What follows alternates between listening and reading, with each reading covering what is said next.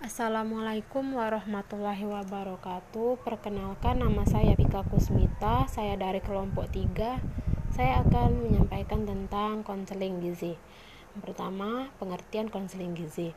Konseling gizi adalah serangkaian kegiatan sebagai proses komunikasi dua arah Untuk menanamkan dan meningkatkan sikap dan perilaku sehingga membantu klien atau pasien mengenali dan mengatasi masalah gizi melalui pengaturan makanan dan minuman yang dilaksanakan oleh nutrisionis.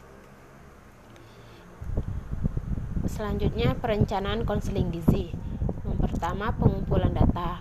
Data yang akan dikumpulkan adalah data sosial budaya, data riwayat, data pengetahuan tentang gizi, data riwayat medik, data antropometri, data klinis, data biokimia.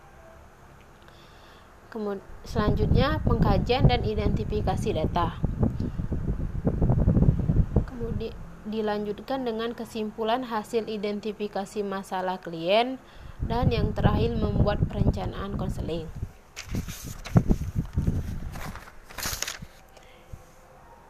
Yang kedua, evaluasi konseling gizi. Satu, monitoring perkembangan. Dua, pengukuran hasil. Tiga, evaluasi hasil.